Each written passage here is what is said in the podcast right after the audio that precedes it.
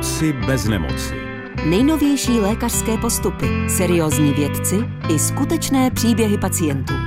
Moci bez nemoci se Šárkou Volemanovou. Dobrý den. I dnes vítejte u pořadu, ve kterém budeme hledat naději na kvalitní život.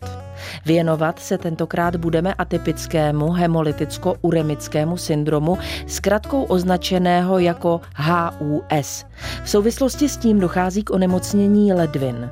Řeč bude také o novinkové léčbě u transplantace ledvin u komplikovaných pacientů. Svůj příběh přijde vyprávět Jakub, který před pěti lety prodělal akutní selhání ledvin. Poslouchejte s námi. Moci bez nemoci.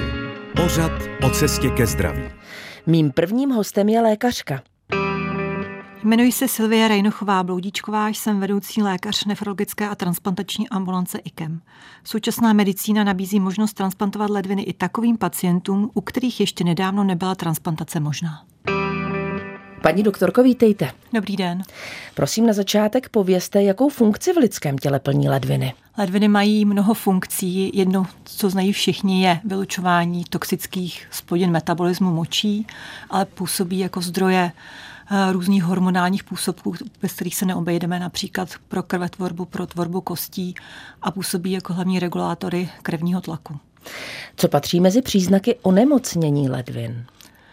Příznaky mohou být nespecifické a potom specifické. Mezi ty nespecifické, které provázejí třeba chronická onemocnění ledvin, to bývají postupující únava, nevýkonnost, dušnost, může to být otoky, eh, vznik vysokého krevního tlaku a pak ty specifické jsou, že pacienti najednou vidí krev v moči, velké množství bílkoviny, otoky očních víček, eh, různé i bolesti kloubů, vyrážky, které pak toho pacienta dovedou k lékaři. My často slýcháme, že onemocnění ledvin probíhá mnohdy skrytě.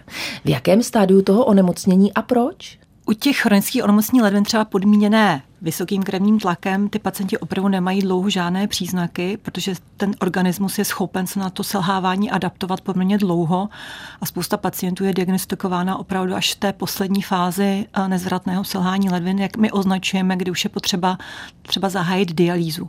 A bývá to právě typicky u těchto typů pacientů nebo pacientů se srdečně cévními onemocněními. A pak existuje skupina pacientů, u kterých to onemocnění propukne náhle, akutně a ty příznaky obvykle bývají eh, značné. Pacient přestává močit, má opravdu krev v moči, může mít i kameny a tak dále a to pacienta dovede právě k lékaři i hned a my jsme schopni to onemocnění ledvin diagnostikovat ještě v počátcích.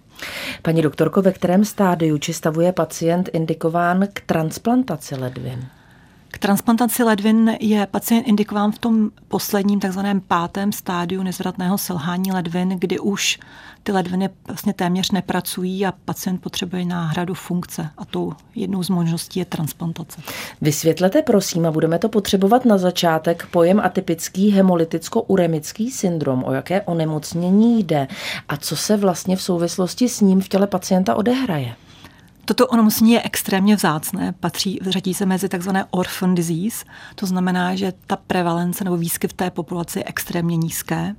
A je to onemocnění systémové, to znamená, že nepostihuje pouze ledviny, ale může postihnout jakýkoliv orgán.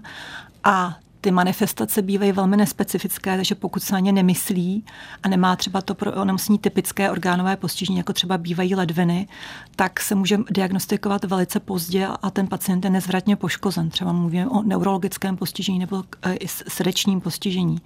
A je to onemocnění, kdy vlastně dojde k trvalé aktivaci imunitního systému, které e, potom vede k poškození tkání, protože ta regulace toho imunitního systému a odpověď na nějaký um, podnět, nejčastěji třeba bakteriální infekci nebo verovou infekci, není regulovaný, protože ten pacient má mutované geny, které se podílí na regulaci té imunitní odpovědi toho pacienta. Takže vlastně pokud dojde projevům tohoto onemocnění, tak ta imunita vlastně stále je aktivní a ničí ty tkáně, ačkoliv ten prvotní stimul, který vedl k té aktivitě, například ta infekce, už tam v tom organismu dávno přítomná není. Já děkuji za to do vysvětlení. My si budeme mimo jiné dnes povídat také o takzvané antikomplementové terapii. V čem tedy spočívá a v čem je pro pacienty přínosná? Antikomplementová terapie je právě specifická terapie pro určité typy onemocnění, mezi něž patří ten atypický hemolytický uremický syndrom, který právě tou terapií je blokována ta aktivita toho imunitního systému a velmi efektivně. A bez této terapie bych vlastně ti pacienti neměli šanci eh, být transplantováni a velice často by ty pacienti nemuseli eh, se dočkat eh, i zdravého života, protože toto onemocnění bývá natolik závažné, že i ty pacienti na to dříve umírali, na ty komplikace. Prosím, zkuste vysvětlit pro lajky, co to znamená, že blokuje určitou část vlastně, co se odehraje v tom těle, že to tělo je schopno přijmout třeba dárcovskou ledvinu. Jde o to, že ten imunitní systém u těchto pacientů je aktivovaný proti všemu, ne proti tomu primárnímu stimulu. To znamená třeba prvotním stimulem opravdu může být nebo bývá infekce, jakákoliv přechozená. A přirozeně u každého člověka, když ta infekce je eliminovaná, když se pacient toho zbaví, tak ten imunitní systém se vypne a funguje normálně. Ale u tady těchto pacientů, kdy tam je nějaká genetická mutace, která vlastně znemožňuje regulovat správně to odpověď toho imunitního systému, způsobuje, že ten imunitní systém je pořád aktivní a vlastně ta výkonná část toho imunitního systému působí potom patologicky i na ty postižené tkáně. A my vlastně tou antikomplementovou terapií blokujeme takovou tu poslední část výkonovou toho imunitního systému, aby nedošlo k patologickému poškození tkání.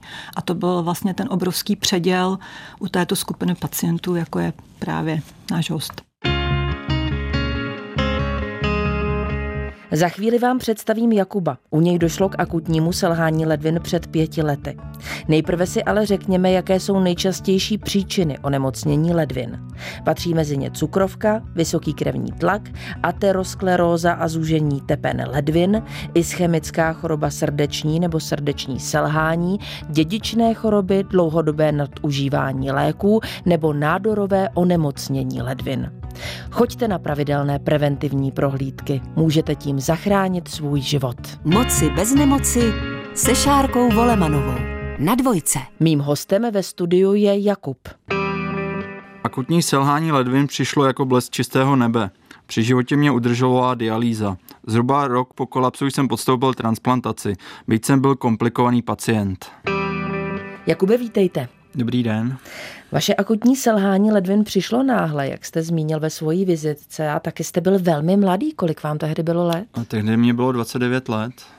Byl jste do té doby zdravý? Mohl jste v životě dělat všechno, co jste chtěl? Eh, do té doby jsem byl zdravý, dělal jsem v podstatě všechno od sportu po práci, všechno. Zároveň eh, jsem se jakoby s ledvinama léčil, ale mm, nějak jakoby závažní omezení jsem neměl. No. S odstupem času, kdy se na to díváte, dokážete vzpomenout, co tomu akutnímu selhání ledvin předcházelo?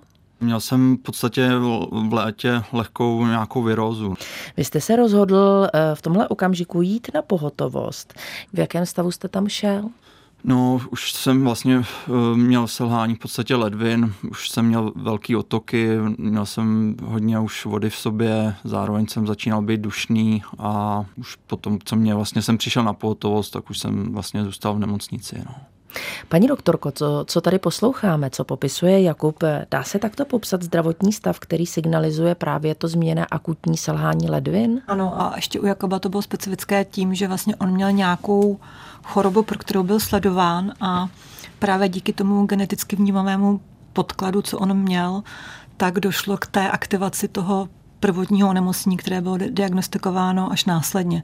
Jakoby, co se dále odehrávalo po vašem příchodu na pohotovost?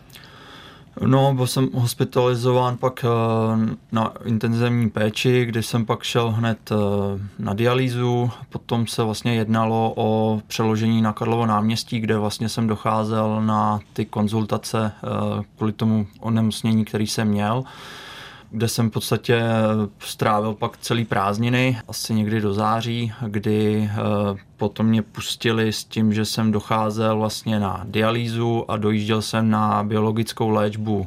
Do Prahy jsem na Karlovo náměstí a po nějakém čase, kdy vlastně probíhala ta biologická léčba, ty ledviny se v podstatě nerozhejbaly, tak mně byla nabídnuta varianta vlastně peritoneální dialýzy a zároveň s tím, jestli bych našel nějakého vhodného dárce pro transplantaci, s tím zároveň, že mě překládali vlastně do IKEMu, kde mě vlastně se ujali doktoři z IKEMu a tady paní doktorka Bolíčková. Vzal jste celý ten příběh hopem, tohle všechno trvalo skoro rok. Když došlo k tomu selhání ledvin, jak vám vlastně ten zdravotní stav v tu chvíli lékaři vysvětlili, ještě než přišlo všechno potom, biologická léčba, dialýza, eh, návrh na transplantaci, vlastně na tom samém začátku, protože jste říkal, že jste ze zdravého člověka najednou přišel do nemocnice, kde jste nakonec zůstal. Prostě mě řekli, že budu muset podstupovat teď dialýzu a dál vlastně s mě, to bylo vlastně v Chrudimi a dál už jsem eh, asi druhý nebo třetí den už jsem byl vlastně v Praze. Vyděsilo vás to? Měl jste strach nebo co jste si myslel v tu chvíli? No, strach jsem měl, měl jsem hlavně strach jakoby uh, o manželku a dítě a zároveň jako jsem nevěděl, co bude, protože jsme měli rozestavěný barák, který jsme opravovali, hypo, hypotéku, a zároveň prostě takovýhle jakoby běžný starosti a uh, tak jako strach jsem asi měl. No. Paní doktorko, jak je důležitá z vašeho pohledu a zkušenosti ta komunikace? Ptala jsem se teď záměrně Jakuba na to, jaký měl pocit, však se mu najednou ten život obrátil z hůru nohama během chvíle. Co je potřeba, aby eh, od vás, od lékařů, takový člověk věděl? Říkal, že komunikace je zásadní, aby ten člověk pochopil vůbec, co se s ním děje a jaké budou následné kroky protože pokud ten člověk nepochopí, tak nemůžeme očekávat dobrou spolupráci. Takže z začátku i vlastní zkušenost je taková, že ty pacienti si to vyslechnou, ale stejně tomu nerozumí, takže ta opakovaná komunikace s tím pacientem a nejlépe i třeba s těmi nejbližšími z rodiny je velice důležitá pro tu další spolupráci a pro tu další péči. Takže i u těch mladých lidí vím, že prvotní informace je nejdřív šok a člověk vytěsní úplně všechno, protože se změní absolutně život, musí se přizpůsobit té nemoci a tomu omezení, které dialýza přináší. A pak po tom prvotním šoku už ta komunikace je mnohem lepší a ty lidi už chápou, o co se vlastně jedná. Jakub nám tady řekl, že vlastně ho provázela dialýza jeho dalším životem. Pojďte nám prosím vysvětlit, o co vlastně jde, když je člověku poskytnuta dialýza v takovém stavu. Dialýzu asi každý zná pod na pojmem umělá ledvina. Je to forma uh, vlastně očišťování krve od spodin metabolismu místo ledvin, které vlastně jejich funkce selhala. Máme v současné době dvě možnosti, buď to, jak zmiňoval, jako peritonální, taková bříšní, kdy se zavádí katetr do břicha a vlastně přes tu břišní dutinu, přes ten katetr si pacient do břicha dává určitý rostok, se kterým se provádí ta, ta dialýza, to očištění krve a to se ten pacient e, provádí doma. A pak mnohem rozšířenější je eh, ta takzvaná hemodialýza, kdy ten pacient má vlastně vytvořenou cévní spojku na ruce a připojuje se ke stroji na dializačním středisku, kam dochází obvykle třikrát týdně na takových 4 až 5 hodin a tam probíhá to očišťování krve. Jsou různé modality mezi těmito dvěma variantami a snažíme se v současné době dokonce ty pacienty, aby si i tu hemodialýzu prováděli doma, aby ten komfort byl větší. Takže těch možností je teďka více, ale rozhodně to není plnohodnotná náhražka eh, vlastních ledvin, i když spousta pacientů eh, teďka žije s provedenou dialýzou, protože jiné možnosti náhrady funkce pro ně třeba ne- neexistují. Děkuji za to do vysvětlení. Jakube, tak eh, my víme, že jste tady v nemocnici strávil celé léto, pak následovaly nějaké další možnosti v podobě léků, bioléčby. S jakým úspěchem? V podstatě asi ta léčba nebyla úspěšná v tom smyslu, že by mě rozhýbala ty ledviny, co bylo jako první jakoby, ehm, nápad eh, lékařů na tom Karlově náměstí a zároveň ale potlačovala vlastně asi to onemocnění a potom v podstatě už to vzalo ten jakoby běh ty dialýzy a to přeřazení FIKEMu, kde už se pak eh, začalo vlastně mluvit o ty transplantaci. No. Co se ve vašem životě změnilo po tom selhání ledvin? Co jste musel změnit? Když jsem byl na dialýze, tak ten způsob života, no, tam člověk musí to přizpůsobit vlastně eh, času na tu dialýzu. Nejdřív jsem vlastně docházel normálně na tu hemodialýzu, takže člověk byl omezený časově, kdy měl jasný daný dny, kdy vlastně nad ní musí jít. Potom Kolik dnů to třeba bylo pro představu? No, byly to právě vlastně, jak řekla paní doktorka, ty tři dny v týdnu a eh, v podstatě člověk měl vždycky volný čas akorát mezi, takže měli den a půl v podstatě na nějaký výlety, aktivity a podobně, ale zároveň byl omezený i vlastně svým výkonem. V podstatě, když jste na dialýze, tak jedete tak na 30%, bych to tak řekl. No. A potom vlastně jsem byl na ty peritoální dialýze, která je teda podle mého daleko lepší pro mladého člověka. Zvýšila mě určitě výkon, kdy jsem mohl fungovat daleko líp a zároveň jsem v podstatě nebyl omezený časem, akorát jak eh, vlastně při těch výměnách toho roztoku, který trval nějakých 20 minut, takže v podstatě jsem si to mohl dělat kdekoliv jsem chtěl, takže nebyl problém jet na dovolenou, na výlety a tak. No.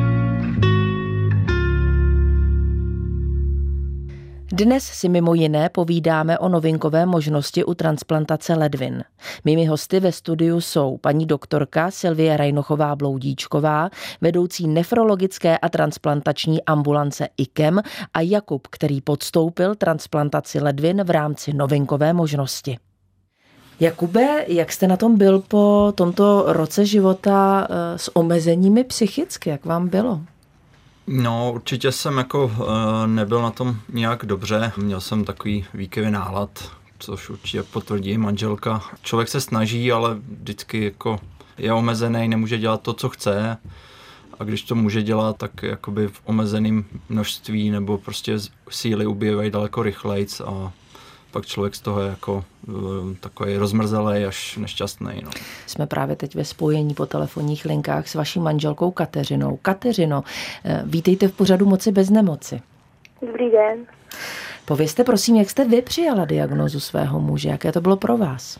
Byl to hrozný šok, protože jednak nás ani nenapadlo, že nás můžu v necelých 30 letech jeho života vlastně, nebo i mých, vůbec něco potkat na tož něco tak vážného vůbec jsme si to neměli představit, takže jsme byli strašně v šoku a vůbec jsme nevěděli, protože ze začátku samozřejmě byl hospitalizován. Nevěděli jsme ani vlastně, co to pořádně ze začátku je, jak dlouho to bude trvat. Nic jsme nevěděli, takže jsme z toho byli, jak říkám, úplně vedle a ještě jsme měli hmm. malý dítě, takže jsme z toho byli fakt špatný a čekali jsme, až se vlastně na něco přijde, až se přijde na to, jak by se to mohlo dát léčit a co bude dál, tak jsme tak žili v takové naději a nevědomosti nějakou dobu, než se to rozlousklo. Hmm. Vzpomínáte na ten okamžik, a my se k tomu dostaneme už za chvíli, kdy se začalo uvažovat o transplantaci. Co to pro vás znamenalo?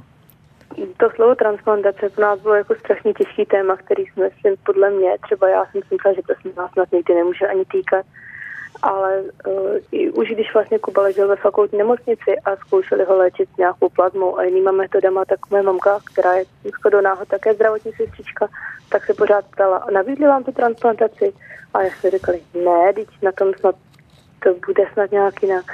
A takže jako by už nějak jsme byli trochu, trochu tím trochu navrtaný a když už potom došlo k tomu, že i lékaři tu transplantaci navrhli, tím, že nám to všechno samozřejmě vysvětlili, že to je bezpečná varianta, vyzkoušená, že se není opravdu čeho bát, tak pak nám i tak jako začal bych řekla padat kámen ze srdce tím, že se to už nějak vyřeší po té strašné době i toho, v jakém stavu ten Kuba celý rok byl.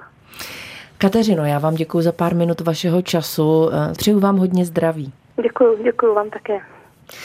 Paní doktorko, jak složité je najít vhodného dárce, aby splňoval ty parametry, které pro transplantaci splňovat musí a ještě navíc možná v souvislosti s tím, jak už jsme se dozvěděli, že Jakub nebyl úplně jednoduchým eh, člověkem pro transplantaci?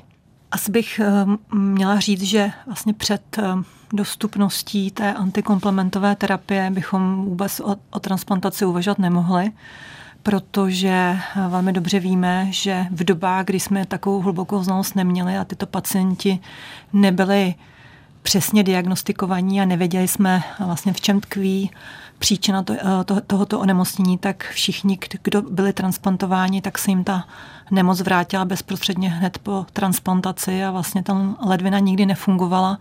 O této transplantaci jsme začali uvažovat i vlastně ve spolupráci s kolegy z Karlova náměstí, kteří ho primárně léčili. Takže jsme začali uvažovat v tom smyslu, že jsme se snažili eh, najít vhodného dárce v jeho rodině a u něj to bylo ještě jednodušší v tom, že se vlastně nabídli, což je velmi eh, zácný, eh, velmi úžasný. A ještě co byl velký benefit, že jsme nechtěli někoho, kdo je mu geneticky blízký, protože víme, že to jeho základní onemocnění, které vedlo k selhání ledvin, je geneticky podmíněné. To znamená, že je velká pravděpodobnost, že jeho rodiče jsou nositeli nějakých genetických mutací, které se u něj sešly a došlo, došlo právě k projevům toho onemocnění. A Jakub měl to štěstí, že opravdu se nabídli rodiče jeho manželky a jeden z nich vlastně se stal jeho dárcem. Jak je náročná samotná transplantace? Jak dlouho to trvá a jak rizikový výkon to je? No, pro chirurgy je to poměrně snadný výkon v porovnání s jinými orgánovými transplantacemi, protože je to vlastně cévní operace. Ta ledvina se vlastně dává úplně na jiné místo, než máme vlastní ledviny, takže se vlastně našívá říkáme tomu pravá jáma kyčelní na cévy, které zásobují pánevní řečiště. Takže z tohoto pohledu je to pro chirurgy poměrně rychlá věc a u těch štílých a nekomplikovaných pacientů mají za čtvrt hodiny hotovo. Takže to je neuvěřitelná věc a samozřejmě s přípravou pacienta a s anestezetickou přípravou ten výkon zabere dvě hodiny, ale vlastní ten výkon je opravdu otázka 20 minut pro cévní chirurgy. Paní doktorko, jak dlouhá je rekonvalescence a kdy vy lékaři vlastně můžete říct, že to všechno dobře dopadlo, že to tělo tu ledvinu přijalo, že všechno funguje? Já bych řekla, že máme takovou chráněnou dobu ty tři měsíce, kdy se většinou projeví nějaké akutní problémy, nějaké akutní odhojování, kdy ten pacient vyvíjí nějakou reakci proti tomu transplantovanému orgánu. A potom se dá říci, že už ta transplantace je úspěšná, ale o té úspěšnosti můžeme mluvit, pokud ten pacient s tím funkčním orgánem žije aspoň tři roky. To už ten benefit té transplantace se nepochybně dostaví. Jakoby jak dlouhá rekonvalescence byla u vás po té transplantaci? A bylo všechno eh, v naprostém pořádku, žádné komplikace? Já jsem vlastně byl transplantovaný, myslím, v pondělí nebo v úterý a ledvina se mě chytla hned na sále, což mě říkal pan profesor Froněk a potom v podstatě jsem šel v pátek domů po svých. A byl jsem tak jako v pohodě, že jsem si došel i na parkoviště sám, bez doprovodu, hmm. takže eh, to bylo v pohodě, akorát člověk byl z ty předchozí dialýzy takové jakoby bez fyzičky, bez nějaký kondice, takže pak mě trvalo mm, tak dva, tři měsíce, než jsem tu kondici nabral. Jak se vám daří dneska? V dnešní době se mě daří dobře, v podstatě žiju jakoby bez nějakých větších omezeních, jenom občas jsem víc unavený, takže uh, už nejdu přes tu čáru, jak se říká, jdu si normálně odpočinout a ne, nepokouším to. No. Vrátil jste se ke všem svým aktivitám, které jste měl rád? Dá se říct, že ano. Já jsem teda dřív hrál hokej, který už teda nehraju, nevyhledávám nějaký adrenalinový sporty, kde bych eh, si mohl vyloženě ublížit. Už určitě nedělám nějaký eh, běhy eh, a takovéhle aktivity, ale v podstatě nejsem úplně omezený nějakým, nějakým pohybu a nějaký aktivitě úplně vyloženě. Paní doktorko, jak to bude dál? Znamená to, že jako bude dále docházet doživotně na nějaké kontroly, nebo prostě vy lékaři to uzavřete s tím, že všechno funguje tak, jak má? To je moje první otázka. A druhá, jak dlouhá eh, je vlastně životnost eh, ledviny od žijícího dárce? Je to také konečné, nebo ne? K prvnímu dotazu, pacienti po transplantaci dochází doživotně k lékaři, protože ta funkce se musí kontrolovat a u Jakuba navíc je potřeba docházet na ty pravidelné aplikace toho léčiva, bez kterého by se to opravdu neobešlo. A potom uvidíme, jak to bude dát. Ta životnost se nedá opravdu předpovídat. Ledvina teda pracuje úplně úžasně, bez nějakých vlastně komplikací, mm. bez nějakých známek, že by si opravdu nesedly a říkáme, že eh, ta životnost těch ledvin o žijících dárců až dvojnásobně delší než u těch zemřelých, takže eh, běžně ty pacienti jsou přes 20 let, takže doufáme, že během této doby se třeba zlepší zase další naše znalosti a dovednosti a mm, nebudeme to už muset u něj řešit řešit, ale to se opravdu neodvažuji vůbec jako odhadovat nebo predikovat, jak to bude vypadat. Jakoby poslední slova uh, budou patřit vám. Chtěl byste něco říct paní doktorce? Ona byla součástí toho, že jste se mohl vrátit do toho života, který jste měl a který jste měl rád? Tak určitě eh, bych jí chtěl říct, že eh, mám k ní velkou důvěru, jako k celému jakoby personálu IKEMu, který je od sestřiček až po sanitáře a doktory je velmi úžasné. Já s nima, ta spolupráce je výborná, ale tady zrovna s paní doktorkou určitě jsme si sedli, bych řekl i lidsky, že eh, si eh, vždycky i na tu návštěvu u ní docela těším. Takže myslím, že ty doktoři prostě všeobecně v tom IKEMu jsou úžasný. No. Paní doktorko, chcete na to reagovat? No já jsem dojatá a já musím teda říct, že Jakub je srdcová záležitost a jeho rodina je neuvěřitelná. A měla jsem tu čest, že jsem měla možnost je poznat jí víc. A při tom poslední setkání a potom vlastně v rámci té komunikace s nima i na dálku jsem jako opravdu dojatá, protože jsou mi emočně strašně blízký a lidsky jsou úplně neuvěřitelný, jak ta rodina funguje a že mě vzali vlastně mezi sebe. Takže to je za mě. Jakube, já vám děkuji za návštěvu u nás v pořadu Moci bez nemoci a samozřejmě i nadále pro vás hodně zdraví. Děkuji. Vám posluchačům Českého rozhlasu Dvojka přeji hodně zdraví, štěstí a naděje na život. Pokud vás zajímají další informace o novinkách v nefrologii a podrobné informace o vyšetření ledvin, poslouchejte dále podcast pořadu Moci bez nemoci. Mým hostem ve studiu zůstává paní doktorka Silvie Rejnochová Bloudíčková, vedoucí nefrologické a transplantační ambulance IKEM. Všechny díly pořadu Moci bez nemoci poslouchejte na dvojka.rozhlas.cz, v aplikaci Můj rozhlas.cz a v dalších podcastových aplikacích. Mým hostem ve studiu je doktorka Silvie Rejnochová Bloudíčková, vedoucí nefrologické a transplantační ambulance IKEM. Paní doktorko, prozradila jste mi, že nefrologie zažívá vzestup další možnosti pro pacienty. To všechno je ovšem ještě na samém začátku. Jaké možnosti se to týká? Možnosti transplantací u pacientů, kteří mají říkáme tomu imunologickou bariéru proti potenciálním dárcům ve smyslu toho, že jejich imunitní systém vytváří velké množství protilátek proti potenciálním dárcům ledviny a ty dosahují takové míry, že ta transplantace vlastně pro ně není realizovatelná, protože nejsme schopni pro něj najít vhodného dárce. Když to přiblížím, tak třeba eh, pro takového, říkáme tomu, hypersenzitizovaný pacient bychom potřebovali až 300 tisíc dárců, abychom pro takového člověka vhodnou ledvinu našli. A Týká se to především pacientů, kteří jdou k opakovaným transplantacím, kdy ty možnosti, jak ovlnit to, to množství těch protilátek, vlastně my neumíme úplně ovládnout. A až vlastně doteď, kdy se nám svítá jakási naděje. Slíbila jsem, že nebudu vyzvídat, že až to bude aktuální, tak o tom natočíme další díl pořadu Moci bez nemoci, jako o další novince. Zeptám se proto obecně, v jakém stádiu vlastně tahle možnost je.